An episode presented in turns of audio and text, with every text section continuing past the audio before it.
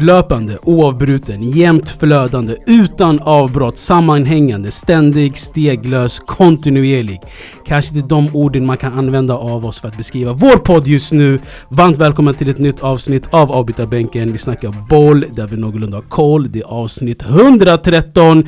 Och som sagt, vi har varit borta ett tag två veckor för att vara exakt. Vad det beror på vet jag inte riktigt. Jag riktar den frågan till min partner Mustafa TV. Jag känner att det var lite taskigt där att rikta den frågan mot mig när vi är två personer Ja. som behöver vara i studion för att en inspelning ska ske. Okej. Men eh, Mm. det är lugnt, jag är van vid att vara syndabocken.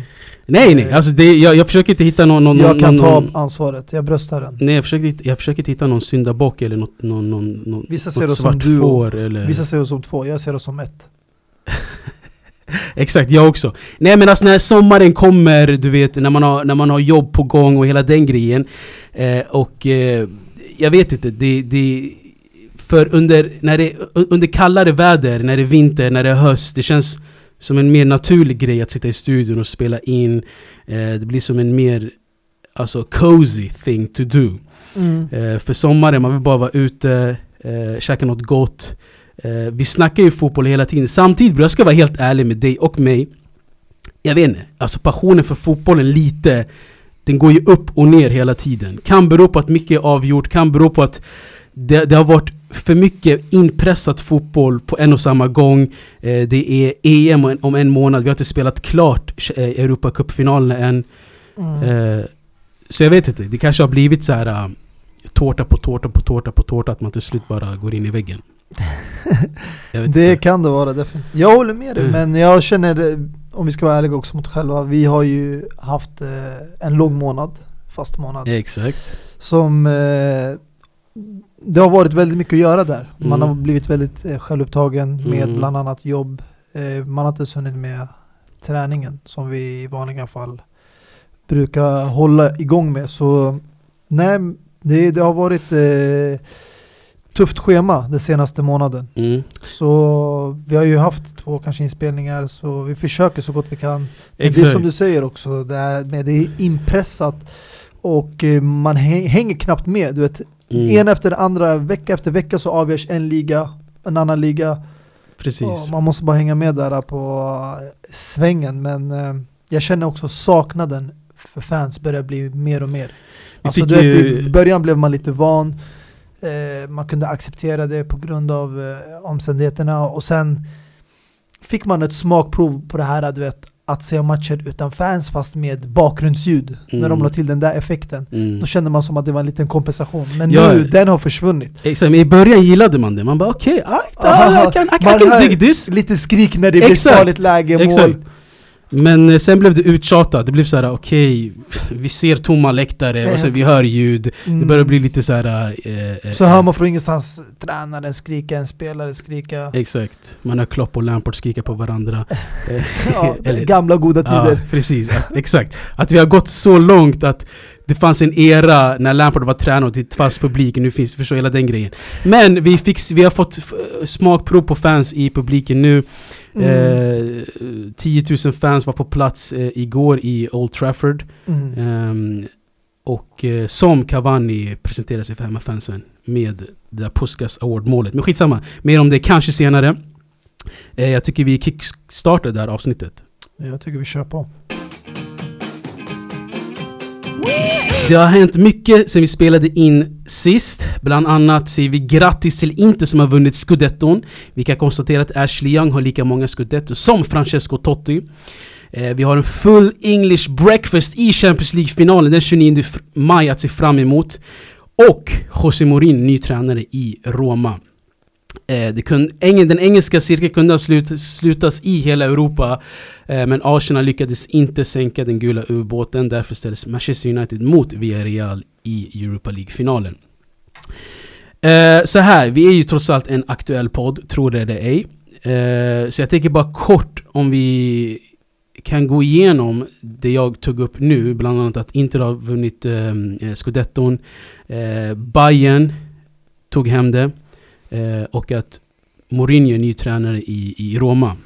Mm. Eh, först, Inter, kom det väl inte som en chock. Jag kommer ihåg att du också eh, hade dem som etta när vi gick igenom ligan i början. Ja, det var det var med de eh, förväntningarna jag hade på Inter med tanke på eh, spelarna, eh, investeringarna och den det största faktorn av alla skulle jag säga är tränarvalet eh, jämfört med eh, de andra tränare som rivalerna hade. Så jag tror inte någon kan argumentera emot det alltså, när det kommer till eh, mm, vad som finns på pappret. Och eh, den större faktorn som gjorde det ännu mer liksom eh, självsäkert skulle jag inte säga, men när eh, Inter blev utskickad ur Champions League eh, så kändes det som att ligan var det enda de hade fokuserat på. Och strax därpå så fick man se uttåget i Coppa Italia också. Så det resulterade i att de bara hade en match i veckan. Eh, och eh, det är inte så svårt då att ta tag i det och rotera i truppen och laget. Som Conte också visade på första säsongen när han var i Chelsea. Inget Europaspel. Eh, det finns många fördelar till det faktiskt. Mm. Precis, och jag, jag kommer ihåg att jag var superhård mot eh, Inter också när de eh, eh, hade bara en match i veckan. Att de ska vinna det här och de ska inte förlora någon poäng eh, resterande matcher, vilket de inte heller gjorde. Eh, och jag vill bygga på lite också eh, vad nyckelfaktorerna var för att Inter vann. Eh, som sagt, det var Antonio Contes tränarvalet och mentaliteten. Mm. Och även alltså Beppe Marotta, arkitekten eh, som Inter fick in. Eh, som lämnade Juventus och hela den grejen. Och eh, försvarslinjen, de tre där bak. Skriniar, De Vrij och Bastoni. Och sen såklart Big Rom Lukaku. Mm. Så hela den grejen att det blev en, en så bra inpaketerad eh, eh, eh, helhetsgrej gjorde att inte vann scudetton. Mm. Eh, sen så vill jag inte heller ta upp att resterande lagen underpresterade. Men det hjälpte ju självklart inte också att de inte hade Juventus som en huvudkonkurrent till ligan. Mm. Eh, vilket de har varit i, i nio år. Ja, alltså det kommer inte för mig som en stor chock med tanke på uh, den stora chansningen de tog på Pirlo. eh, Mm. Som det nya tränarvalet. Jag var väldigt skeptisk till det och kritisk till eh, varför de valde att eh, sparka Sarri som är mer erfaren tränare. Och eh, ändå, jag förstår att han inte är en, den vinnaren de kanske förväntar sig. Och han har inte det där CV som Conte, Mourinho eller andra tränare har, men eh, han har eh, väldigt fin spelförståelse. Hans filosofi eh, är en bra för fotbollen, för framtida moderna fotbollen. Och eh, jag tycker bara det är en sån tränare som behöver tid. Vi såg det även i Napoli, han fick tid och han byggde ett fantastiskt lag. I Chelsea var han bara där ett år, men han hann göra någonting fint mot slutet. Mm. Det, det, det började se ljust ut mot slutet och jag tror om han hade fått en till säsong i Juventus Jag tror de hade presterat mycket bättre än vad Pirlo gjorde. För han var mer självsäker på sin spelidé och hur han ville att laget skulle spela. Men han hade inte bara alla pusselbitar. Och hade han fått en till säsong och värva sina spelare så tror jag vi hade sett ett annat Juventus. Ja, det snackas nu mycket om att eh, Allegri kommer komma tillbaka till Juventus. Mm. Eh, för mig är det inte jättetroligt för att han lämnade ju på grund av att han inte var, att var missnöjd med hela ledningen och den grejen. Men jag Mm. Eh, om vi hoppar över till Roma också kort. Eh, Mourinho, ny tränare. Eh, kom som en chock direkt. Det fanns inga rykten. Mm. Eh, jag vet inte om du såg den här videon när Sky Sports filmade Mourinho när han höll på att packa sina grejer i Mm. bilen och han var på väg till hotellet och folk frågade vad händer nu? Skulle han ta en lång paus? Sen bam, boom, några timmar efter så var han klar för Roma. Inga rykten, ingenting. Du vet, det brukar alltid byggas på. Abo, Mourinho till Roma, hur fan ska det här vara? Du vet. Mm. Men direkt klar. Jag vet inte, eh, lite, lite du vet eh, eh, uppfriskande att se nyheter sådär också utan rykten att det bara direkt klart. Chockad men ändå inte. Desperat Roma som har haft en berg. Som var helt enkelt ute efter en ny tränare, någonting nytt. Men får man någonting nytt i Mourinho? Det är det som är frågan. Eller får man någonting old fashion? Förstår vad jag menar? Gammalt och klassiskt. Eh, vi vet ju att Mourinho gillar storvärvningar och ett lag som investerar i ett lag, i en trupp som han vill ha. Mm. Och eh, Roma har inte den ekonomin. Eh, Det har de visat i de senaste 5-10 åren där man har sålt stjärnspelare i alla positioner som idag spelar i topplag överallt. Precis. Pjanic, Rudiger, Salah, Alisson Becker, alltså alla de här. Mm. Så, det, ja, så frågan är om det här är ett lag för Mourinho. För det här är verkligen bokstavligen där du måste satsa på unga spelare, akademi, talanger. Är du redo Mm. att göra det? Eh, det är det. Eh, Det kan ju vara var väldigt tydlig vad han tyckte om Mourinho. Eh, han sa jag förstår att Roma behöver stora namn just nu men det är som att värva en spelare som är helt slut. Mourinho vill bara ha ett jobb för pengarnas skull. Han har blivit sparkad tre gånger på fyra år. Och eh, Di Canio säger att han är den värsta av de värsta. Han är klar på alla sätt och vis. Eh, Men ändå inte för att det vi glömmer bort är att det här är en ny liga. En liga som han inte har tränat i sedan Inter.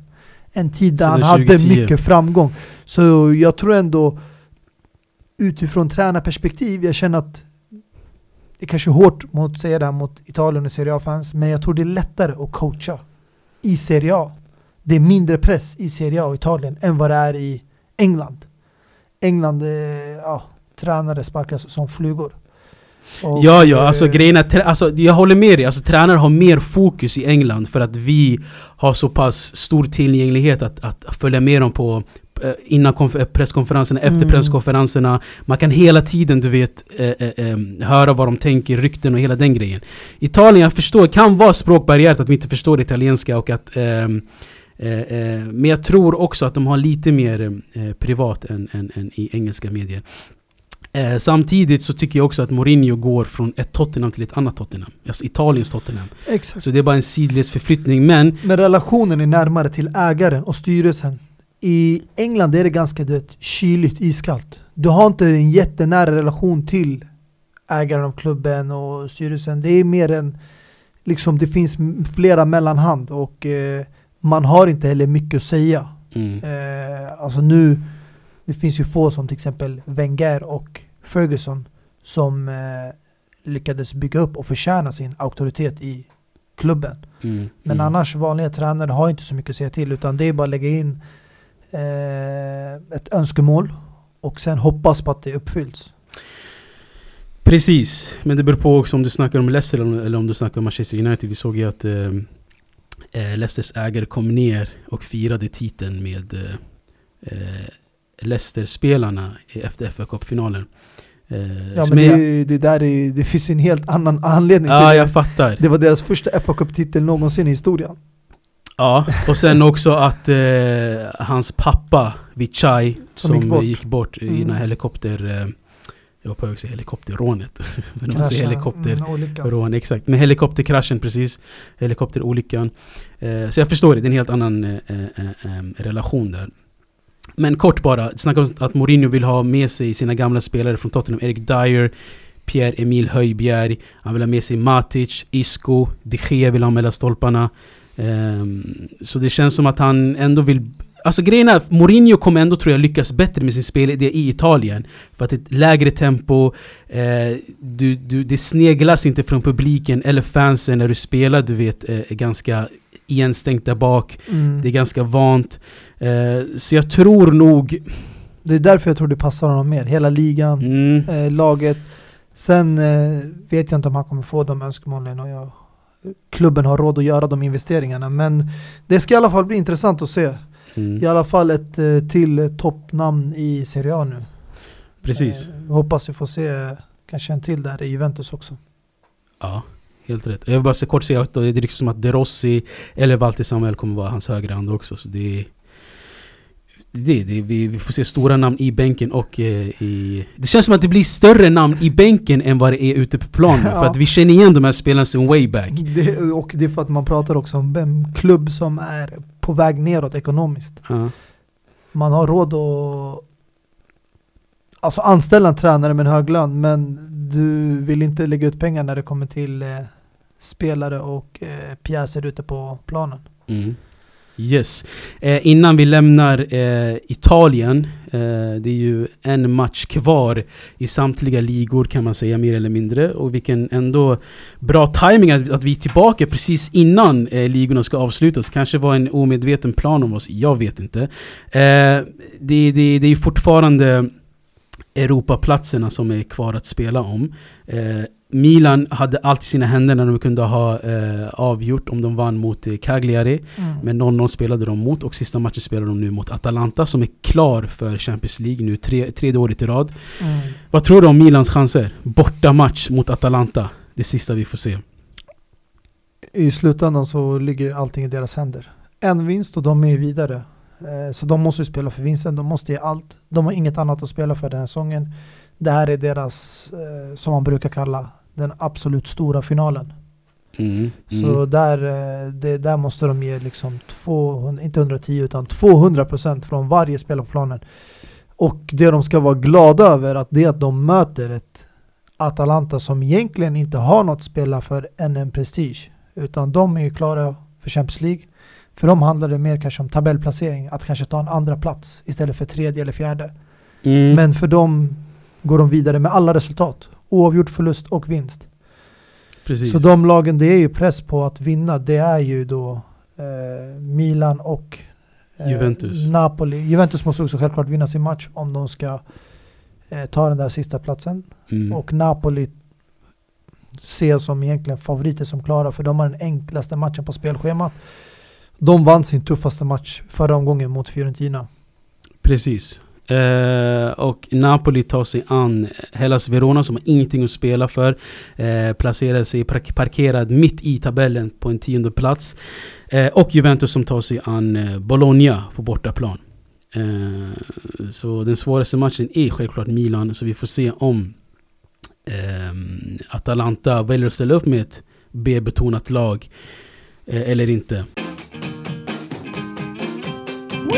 KB Nueve Karim Benzema tillbaka i landslaget. Det var rykten i början men nu är det bekräftat från Didier Deschamps och Benzema själv på hans Instagram. Eh, han har inte spelat i landslaget eh, sedan 2016. Eh, på över sex år. Och... Eh, alltså... Så här. Jag tror det kommer bildas två kamper i Frankrike nu. De som är för Benzemas eh, comeback i landslaget. Att han kan tillföra, de som du vet gillar fotbollen och kan bortse den här skandalen. Eller de som vill sitt, tänker på Frankrikes, du vet, stolthet eh, som prio. Eh, men fotbollsmässigt, vad säger du om Benzemas comeback i det franska landslaget? Jag säger det är fantastiska nyheter. Eh, med tanke på att eh, EM, EM ska ju spelas och vänta runt hörnet. Eh, däremot känns det lite synd att det behöver ske fem år senare, så här sent. Det hade kunnat varit bra att ha honom lite tidigare i laget, att han hade fått varit med och komma in och få spela några träningsmatcher, några landskamper, VM-kvalmatcher eller inför EM. Men eh, det är som det är och eh, det är bara att se fram emot hans återkomst. Alltså jag tror en Benzema kan tillföra mycket. Vi har ju haft tidigare, den enda alternativet är ju Giroud som är den här nian. Eh, Mm. Men han är en otrolig targetspelare. Däremot är han inte lika rörlig och flexibel eh, och bra med fötterna som Benzema är. Så jag tror Benzema kan tillföra mycket mer. Eh, och eh, det kommer bli intressant att få se honom spela med eh, Kylian Mbappé på ena sidan och sen är det stora frågetecknet vem som kommer vara på andra sidan kanten. För att Mm. jag känner inte Frankrike har just nu någon given spelare. Alltså, Alltså, vi har alternativen är ju Griezmann, Osman Dembele, Martial, Kingsley Coman. Alltså det är de fyra alternativen jag ser. Men jag ser inte någon av dessa som en given spelare som har presterat på toppen och haft en bra säsong det här året. Alltså Griezmann är ju den självklara med tanke på hans historia med Frankrike och eh, hans karriär och sånt. Han har haft en väl bättre karriär än de flesta. Så Mm. det är väl han som kanske känns mest säkraste kortet för eh, Didier Deschamps. Men eh, det återstår att se. Kingsley Coman har ju också haft eh, en rad fina prestationer för eh, Bayern München. Precis. Eh, jag tror, alltså om vi kort bara snackar om hur de kommer ställa upp. Eh, mer om det när vi snackar om inför EM-matcherna och så. Men eh, Benzema, Mbappé och Griezmann och sen kanske man har en Pogba som en, en nummer 10 år. Sen kan resten av laget bara tänka på att försvara. resten av laget tänker på att försvara va? Ja, men Jag har, tror inte eh, vissa spelare vill chilla där nere. Jag tror vissa spelare har lungor för att vara överallt på planen. Ja, men jag tänker N'Golo Kanté kan ju bara tänka på eh, halva delen av, av, av, jag, av tror, planen. jag tror folk kommer förvänta sig mer av honom efter hans prestationer mot Real Madrid. Mm. Jo, självklart. Eh, det som är kul att se är att Benzema fortfarande ligger på en topp 10-lista eh, på de som har gjort flest mål i Frankrikes eh, landslag i historien. Eh, Olivier Giroud ligger på en andra plats med sina 44 mål och Benzema på en tionde plats med 27 mål och har spelat 81 matcher. Och att han har en så stor nyckelroll i Real Madrid hjälper ju också eh, Frankrike. Och, och Benzema är en spelare som varje landslag, varje klubblag eh, hade behövt. Han är en spelare som kan anpassa sig till vilken spelstil som helst. Eh, han är den som eh, agerar eh, som en falsk nia om det finns yttrar som behöver komma fram mer, som behöver göra mål mer. Exakt. Det var det jag Eh, tänkte på. Jag tror han kommer kunna utföra samma roll som han hade för Real Madrid tillsammans med Cristiano. Eh, Ja. Fast i Frankrike med Kylian Mbappé. Precis. Nummer sjua på kanten. och, sen, och sen tänker jag att du vet, om de vann ehm, VM med Olivier Giroud som inte gjorde noll, som gjorde noll mål och hade typ, jag läste någon statistik, han hade noll skott av 15 möjliga. Mm. tror jag det kan hämta en annan dynamik i spelet också. Eh, att, du, att du hämtar en, ändå en målskytt. Vi snackade sist om att, sist, ja, för två, tre veckor sedan i alla fall, att han tangerade Rauls rekord i Champions League med sina Mm. 71 mål. Eh, nej, 71 mål var det ju Lewandowski. Så 72. 70, ja, hur som helst. Men att han är en både notorisk målskytt och en sp- lagspelare gör att Didier Deschamps kan välja lite hur han vill eh, eh, använda Benzema. Men jag, jag var chockad med att Benzema accepterade att komma tillbaka till en landslag. Jag kommer ihåg förut att han eh, krävde Fifa att han ehm, att, att de skulle öppna upp du vet de här lagarna, att han kan ändra eh, nationalitet, han kanske ska spela för Algeriet eller något sånt där för han var bara trött på hela Frankrike. Men sen när, när, när de här uh, nyheterna kom så accepterade han. Så jag vet inte, jag var, jag var lite chockad Benzema med den här hårdheten, eh, den här Netflix-dokumentären, man har sett honom att han Mm. accepterade så enkelt att komma tillbaka till landslaget. Men, men jag gillar bråkstakan eh, eh, eh, när, de, eh, när de får en andra chans också. Definitivt. Jag tror vi alla ser fram emot det lika mycket. Mm. Och det här gör ju att Frankrike, om de inte var eh, du vet, topplistade att vinna EM, tar de här ännu längre upp i listan Ja, med Benzema. definitivt. Det kommer bli roligt att se faktiskt. Mm. Exakt, men mer om det när vi snackar inför eh, EM om Benzema och hela truppen och andra anfallare. Eh, jag tänker bara kort från en annan anfallare till en annan anfallare. Eh, ni märker, eh, det är mycket eh, hopp här. För det är skönt också att vi kan bara du vet, gå över från ena ämnet till ett annat ämne. Det var mycket att snacka om. Och vi håller det ganska eh, eh, kompakt också. Men Lewandowski tangerade Gerd Die Bomber Müller. 40 mål i ligan, eller hur? Ja, hela 40 mål. Det är ingen eh, ordinarie statistik. Eh, ett fantastiskt målrekord och eh, att också kunna uppnå det vid den här åldern. När han har spelat otroligt länge och åstadkommit en hel del med både Dortmund och Bayern München. Jag tycker det är fina siffror som Lewandowski kommer bära med sig och jag tror eh, jag tror vi kommer få se mycket mer av honom. Det känns som att eh, han är som, eh, som man brukar säga med vissa andra spelare. Han är som vin. Mm. Han Ju åldras. äldre, ju äldre han och blir, så bättre. finare blir han. Exakt. I Så eh, fint. Och sen tror jag inte det är helt över va? Om jag minns rätt. Eh, Över. För deras del, säsongen. Har de en match kvar att spela? Alltså det man glömmer bort är att Bayern München, eller eh, Bundesliga Har 18, har 18 lag. Så det är Och- färre matcher att spela. 16. Precis, och det är ju ännu det, mm, imponerande att han gör 40 mål eh, i ligan med Mm. två färre lag än eh, de andra. Och sen kan man diskutera, ah, det kanske är enklare lag att möta, det kanske är enklare att möta Schalke 04 än att möta Exakt. eh, Brighton. Alltså jag tror inte det är, att det är lägre kvalitet på helheten, men just Mm. Bundesliga är ju känt för att eh, inte lägga så stort fokus på försvarsspelet. Mm. Här taktiska och defensiva delen finns inte där. Det är mer öppet spel, eh, det är mer eh, rakare spel, eh, kontringar. Eh, det finns vissa lag som spelar med bollinnehav, men vissa spelar mer rakare och eh, tyskliknande spel. Mm. Eh, Som man har sett från landslaget också, som man har sett från Bayern München genom åren. Och det är därför det blir mer öppet i försvarsspel och det är mer stora siffror. Det är ibland tennissiffror när du kollar på vissa matcher. Mm. 5-1, 7-2, Precis. 6-3. Det är sådana matcher man kan se och det är jättevanligt. Och det är Precis. så här Hoffenheim mot Hannover. Det är, Exakt. Alltså jag tror de tänker, alltså vare sig du förlorar 1-0 eller du förlorar 7-0 så är det ändå tre poäng du förlorar. exakt. Så för dem är det så här uh, antingen... De skiter i målskillnad. Exakt, vinst stort eller förlora stort. Det finns Mm. inget mittemellan. Men det var så fint, för det här rekordet eh, hade ju Gerd Müller i 50 år. Mm. Eh, Säsongen 71-72 så gjorde han 40 mål i ligan, Gerd Müller. Eh, och Lewandowski tangerade den.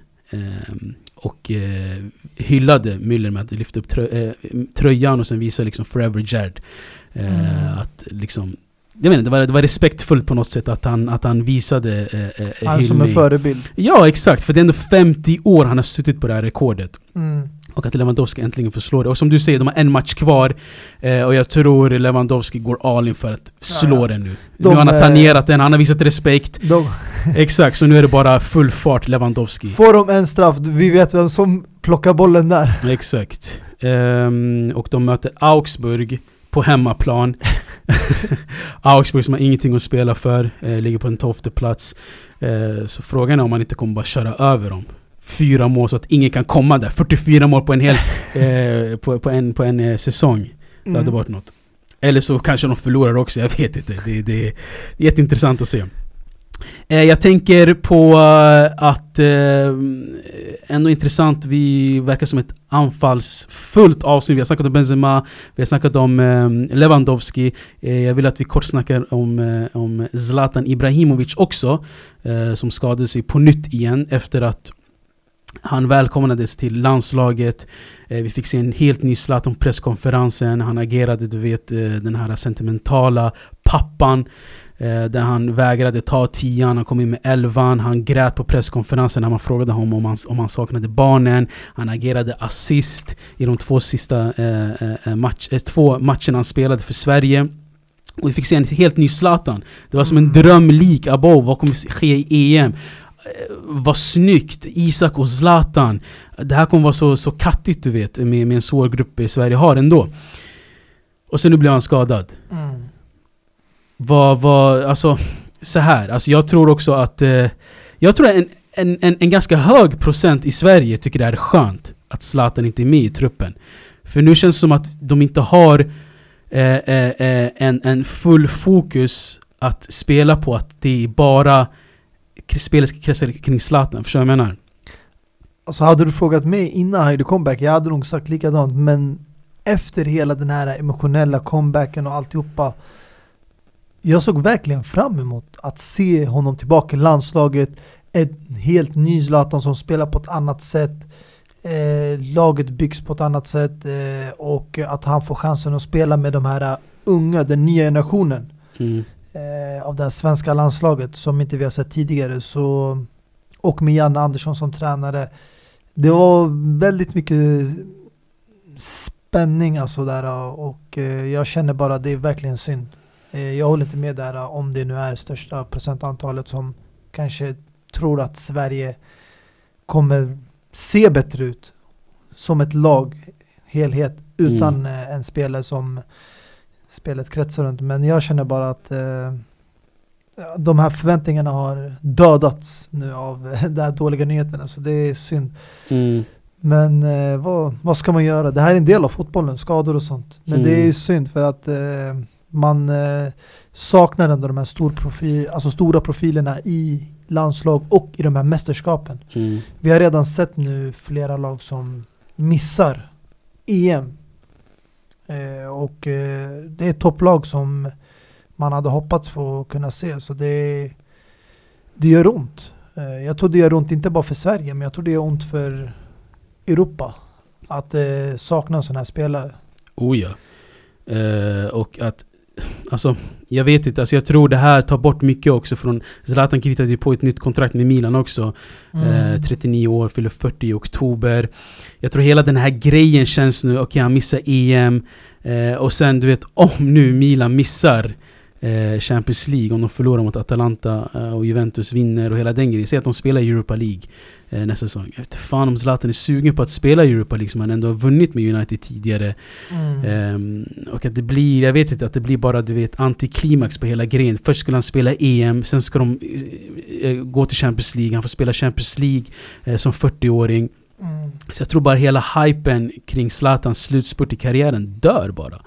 Eh, finns stor chans att han bara lägger av efter det här nu eh, om Milan eh, missar am- avancemanget till eh, Champions League. Jag vet inte, jag tycker också det är skittråkigt. Jag tycker eh, allmänt också när det är EM så är det, he- alltså, he- det är hela landet som kollar på, på fotboll då. Alltså hela landet förvandlas till en, till Ja, en alltså, fotbollsland. Och även missar, andra länder.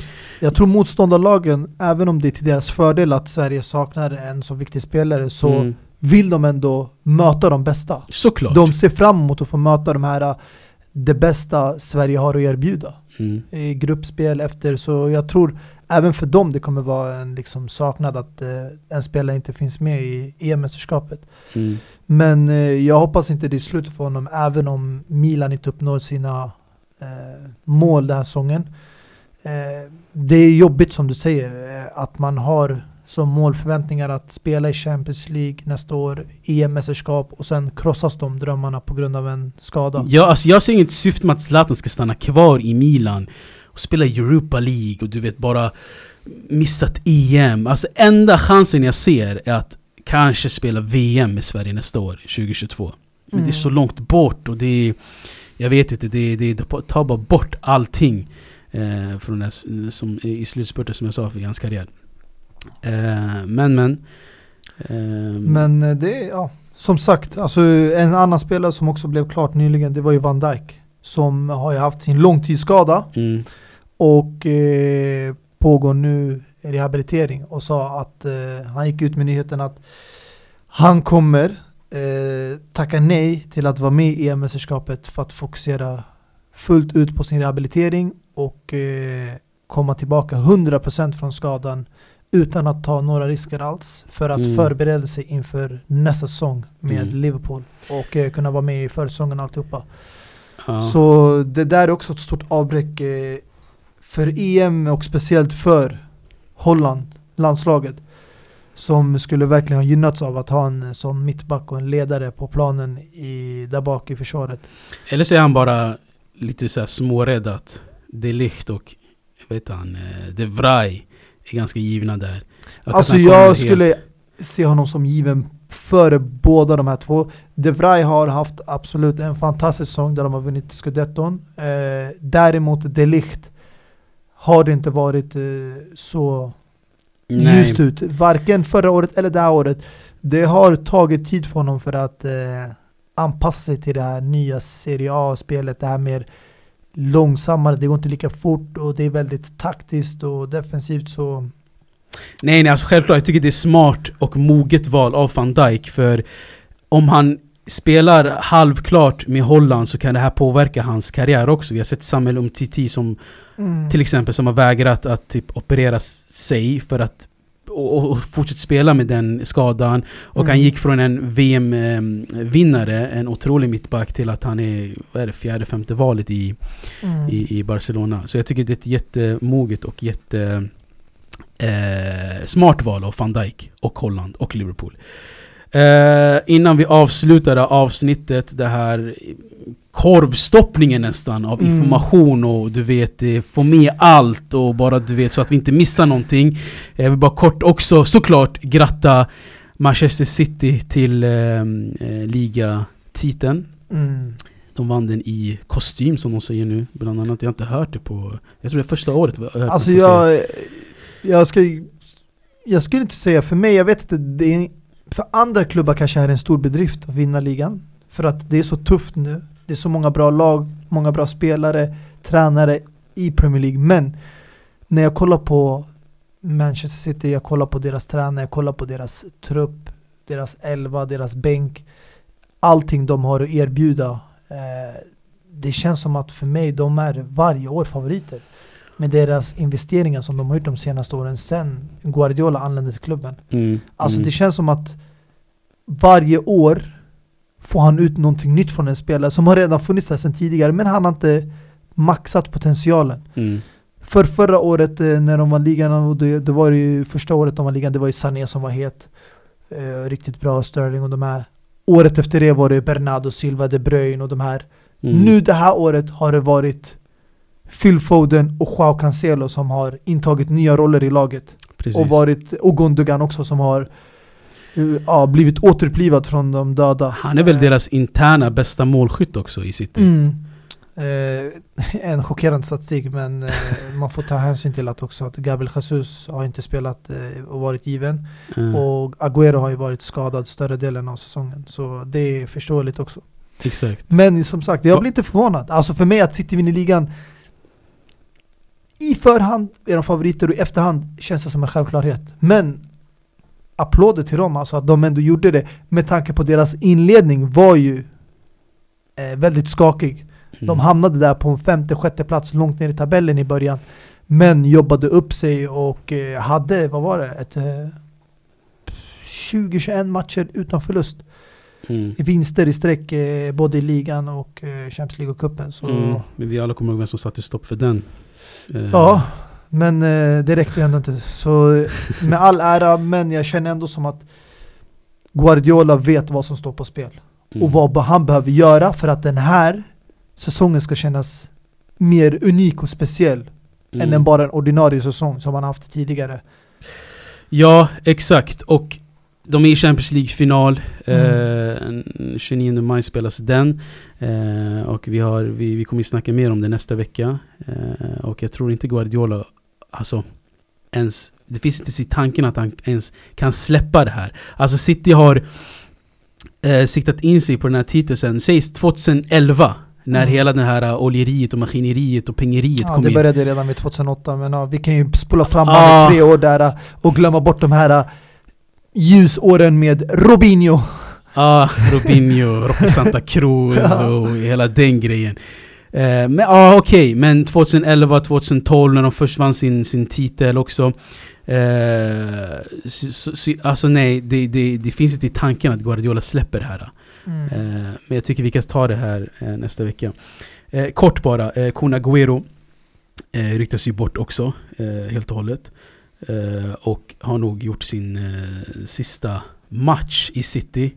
Mm. Och i sin sista, jag vet inte om han kommer spela Champions League-final helt ärligt, alltså i den formen han är i och eh, hur, eh, Guardiola prioriterar honom. Jag tror vi alla kan vara överens om att han inte kommer vara med på startelvan i alla fall. Eh, det är en ganska självklar sak inför den här matchen och den här säsongen så som den har sett ut för honom. mm, mm, mm, precis. Nej men vi får se hur det, hur det, hur det förgrenade ryktas om att Barcelona har att Barcelona har eh, kommit med alltså ett muntligt, eh, vad heter det? Muntligt, eh, fan heter det? Eh, alltså muntligt kontrakt. Eh, Ja, men det är överenskommelse. Det, muntligt överenskommelse med Agüero. Jättelustigt om du, om du frågar mig. De, eh, alltså, Suarez lämnade på grund av åldern, sen hämtade de Agüero som Mm. Stort frågetecken. är... Ja, Men det, det kan ju också bero på att eh, de har en ny ägare som eh, har en annan syn på det här med eh, ålder och spelare och erfarenhet. Mm, och sen Eh, exakt. Joao Laporte va? Som eh, Precis. nu eh, sitter i styret. Eh, Så jag förstår den pusselbiten och behåll, lyckas de behålla Messi så kan det bli en fin kombo där. Ja, jag vet inte. Det, det verkar vara som att det är... Han är, han är för Messi-lik för att det ska bli en bra kombo. Messi Mm. behöver ju någon som är helt olik honom för att det ska bli en bra kombo. Eh, men jag vet inte. Eh, det ska bli intressant. Eh, ryktas om att eh, eh, Koman ska få sparken nu också eftersom de förlorade mot Celta Vigo. Eh, när Santi Mina sänkte dem. Eh, och sen är det också en, eh, det är inte avgjort i La Liga helt heller. Det är en omgång att spela. Atletico Madrid, Suarez räddade ju dem det där sista målet. Eh, och gjorde så att eh, de har fortfarande bättre läge än Real Madrid. Eh, och sista matchen så möter Atletico Madrid Valladolid, Real Madrid möter Villarreal och vi kan räkna bort Barcelona helt från titelstriden. Mm. Så det är jätteintressant att se, så vi har all anledning att komma tillbaka nästa vecka och snacka om det här när allt är avgjort. Mm. Ska vi se så då? Ja, vi kan väl avsluta där med den stora sorgen, tragedin där, förlusten. Tragedi och förlust för vem egentligen om du frågar? Ja, alltså jag, jag ska inte ljuga, det, det känns i efterhand jobbigt för att eh, Chelsea har gång på gång tagit sådana här smällar där det har gjort så mycket misstag och tabbar från domare. Det känns orättvist på ett sätt att man ska behöva förlora en final på det där sättet. Alltså jag hade hellre åkt ut i kvartsfinal eller semifinal eller åkt på en sån smällförlust i ligaspel istället. Men när det handlar om en titel och det är en match och allting står på spel. Det känns så taskigt att man ska åka på den där smällen och eh, speciellt nu när man har det här VAR-systemet. Förra året implementerades VAR bara i ligaspelen men inte i FA-cupen och eh, Carling Mm, Cup, eh, mm. Carabao Cup som man kallar det nu. Så det som hände var ju där när det skedde några misstag så kunde man inte tillbaka gå och kolla det utan det, allting hängde ju på huvuddomaren och linjedomaren. Och eh, det var samma sak där förra året mot Arsenal när eh, Matteo Kovac åkte på ett rött kort. Det var inte så mycket att säga till det. Mm. Eh, sen Emiliano Martinez när han hade händerna eller bollen i händerna utanför straffområdet. Alltså det finns många sådana här beslut som påverkar matchen. Och eh, det här året var det tyvärr en hans. En stor hans situation på Ayos Perez. Mm. När han stoppade en kontring och blockerade en passning på egen planhalva och det sjuka är att det blev assist på första passningen efter det. Det var inte att spelet han eh, byggas upp och man rullade boll länge utan det var första skedet man tog bollen, passade upp den mitten av planen till eh, Juri Tillmans, ett skott och det var mål. Mm. Alltså det var rakt eh, direkt efter, bara några sekunder efter eh, ja, man hade stoppat upp spelet. Och det som är det sjukaste av allt, det var att de valde inte att gå tillbaka och kolla på VAR. De alltså kände jag- inte behovet eftersom att när huvuddomaren är säker på Ja. sitt beslut Ja. så kontrollerar de inte det. Och det jag tycker är väldigt skumt att en domare kan bara ta eget initiativ och känna efter när han är säker på sitt beslut och säga till VAR-teamet där uppe om han behöver stöd från dem eller inte.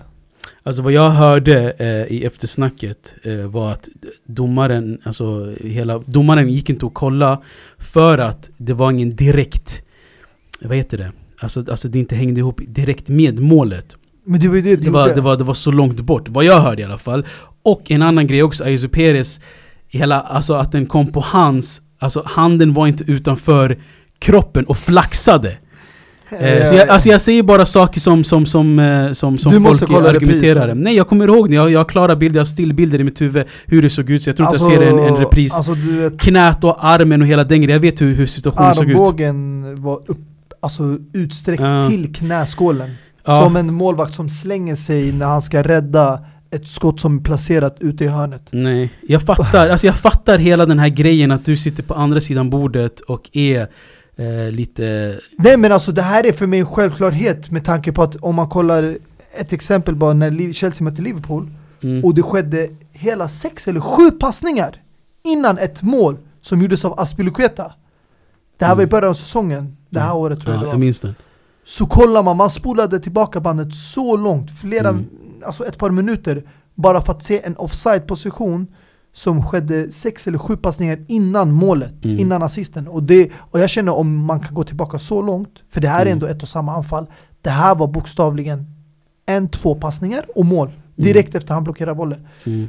Och det sjuka är inte att, att de, eh, han valde att döma det ändå till mål. Det var att de inte kollade repris. För han hade kollat det och sett hur det ser ut bilden, eller bett VAR-teamet och de hade bett honom gå ner och kolla skärmen. Då hade han förmodligen ändrat på sitt beslut. Men han var ju så säker på det att den kom bara på benet, knät och inte armen. Men sen när det kommer till andra sidan när man gör mål i sista minuten.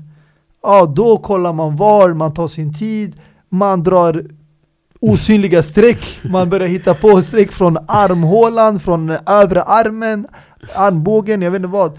För huvudet, knät, allting var inna, alltså innanför. Så det var jätteskumt. Alltså, det här påminde mig exakt om Manés situation mot Everton i början av säsongen, Liverpool mot Everton, när Mm. de avgjorde och gjorde mål i sista minuterna, eh, tilläggstiden, och man dömde att han var offside när han inte var det. Mm.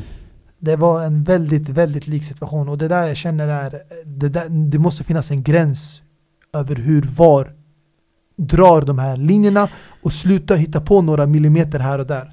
Självklart, självklart. Eh, och jag tror VAR, alltså när du beskrev det här med Chelseas eh, offside mot Liverpool, jag tror det var Mason Mount också om jag inte minns helt fel som, som blåses för offside. Eh, så tror jag VAR ändå utvecklats från den gången till fa Cup-finalen. Att man Jag gillar att ditt minne är i alla fall på rätt plats. Ja, jag, jag kommer ihåg den situationen som jag säger. Eh, hur som helst, jag tycker ändå att vi kan... Eh, eh, Men, som sagt, Ja, bortsett från allt det där, jag är glad att det är Leicester City tack så mycket. i Det det. finalen och att det inte var United, City, Arsenal, en klubb som redan varit där tidigare som man skulle känna mer Alltså, Ilska mot. ja, ilska mot att de vinner på det här sättet. Så åtminstone är det en klubb som har Det är ont i hjärtat att säga så, men gjort sig mer eller mindre förtjänt av att vinna FA-cupen. De har kämpat i flera år med det här laget, med en eh, komprom alltså, ja, kompromissad trupp jämfört med andra lag. Men eh, jag känner ändå inte just den här specifika matchen förtjänar de inte vinna, men hela insatsen under FA-cupen och i ligan hur de har spelat, Exakt. generellt ja. Grattis till Citys Ja, första FA-cup. Fin uppgång på humöret i slutet av avsnittet. Jag tycker- absolut, eh, som du säger, att vi avslutar med att vi gläds åt att Leicester har vunnit sin första Mm. fa Cup-final eh, någonsin. Och det var jättefint att se Jamie Vardy eh, eh, när hans ögon fylldes med tårar. Så Mm. mycket han har gett för den här klubben. Ägaren, som komma Ägaren, precis. Kasper Schmeichel som gjorde otroliga superräddningar. Brendan Rodgers som Eh. har eh, verkligen jobbat sig tillbaka sen han fick sparken i Liverpool och var en hårstrå ifrån att vinna ligan, snäppet ifrån och Precis. gick tillbaka till eh, Celtic, eh, ja, Ja. skotska ligan, byggde upp sin rykte, sin karriär. Eh, gjorde också där uh, historia när han vann en hel säsong utan en enda förlust. Ja. Eh, jag tror det var 32 vinster och 6 avgjorda matcher. Vilket Steven Gerrard också lyckades göra nu också. Exakt med. Rangers. Så, och nu har han kommit tillbaka och verkligen eh, fått igång eh, ett Leicester. Precis. Som eh, känns som, lite som det gamla Leicester. Exakt. Utan Kanté. Ja, alltså gamla och gamla. Det var inte så länge sedan de, eh, de vann Premier League-titel. Så jag tycker ändå det, det är kul. Leicester är ändå så här det sista ljuset i fotbollen man får se som ändå är ett lag som fortfarande kämpar glöden. Mm. Eh, deras, du vet, eh, scouting ger, ger frukter. Eh, Thielemans, Fofana som kommer bli en otrolig mittback snart. Mm. eh, NDD. Eh, Jamie var alltså hela den grejen, att det är det som gör att man gläds åt, åt Leicester och man gläds ännu mer som du säger att det inte finns riktiga konkurrenter till dem. Mm. Man kan inte hata på dem på så Nej, sätt. exakt. Eh, så grattis till Leicester eh, till fa Cup-finalen. Med det sagt då, eh, det här var onsdag den 19 maj. Eh, vi får se om avsnittet släpps samma dag eller tidigt torsdag den 20 maj. Eh, vi lovar att vi eh, kommer med ett nytt rykande färskt avsnitt nästa vecka där allting har avgjorts i Italien och i Spanien och där vi har ett uppsnack inför Champions League-finalen och Europa, Europa League-finalen. Eller mest Champions League-finalen, självklart. Ja, nej men eh, vi ska inte bortse från Europa League-final också. Nej. Det finns någonting som ändå ära som står på spel mellan eh, två lag. S- eh, sl- sluta med det att försöka, eh, du vet, linda in komplimang med en förnedring. Jag har redan sagt det där alltså. Ja men alltså för vissa lag så är det, handlar det om en Champions League-plats. Men för Uniteds del så vet vi att det handlar bara om en titel. Exakt, titel för Ole Gunnar Solskär. Och, exakt, Så någonting absolut. att han kan eh, få hålla i och smaka på. Eh, innan han kanske lämnar den här platsen. Exakt, lite ringrostiga absolut, men nästa vecka tillbaka med ett nytt avsnitt. Hörs vi! Peace! Jag skiter vad de säger, bitch with the shit. Tränar varje dag, nu de alla på min däck För jag kickar den som Benzema. Kickar den som Benzema.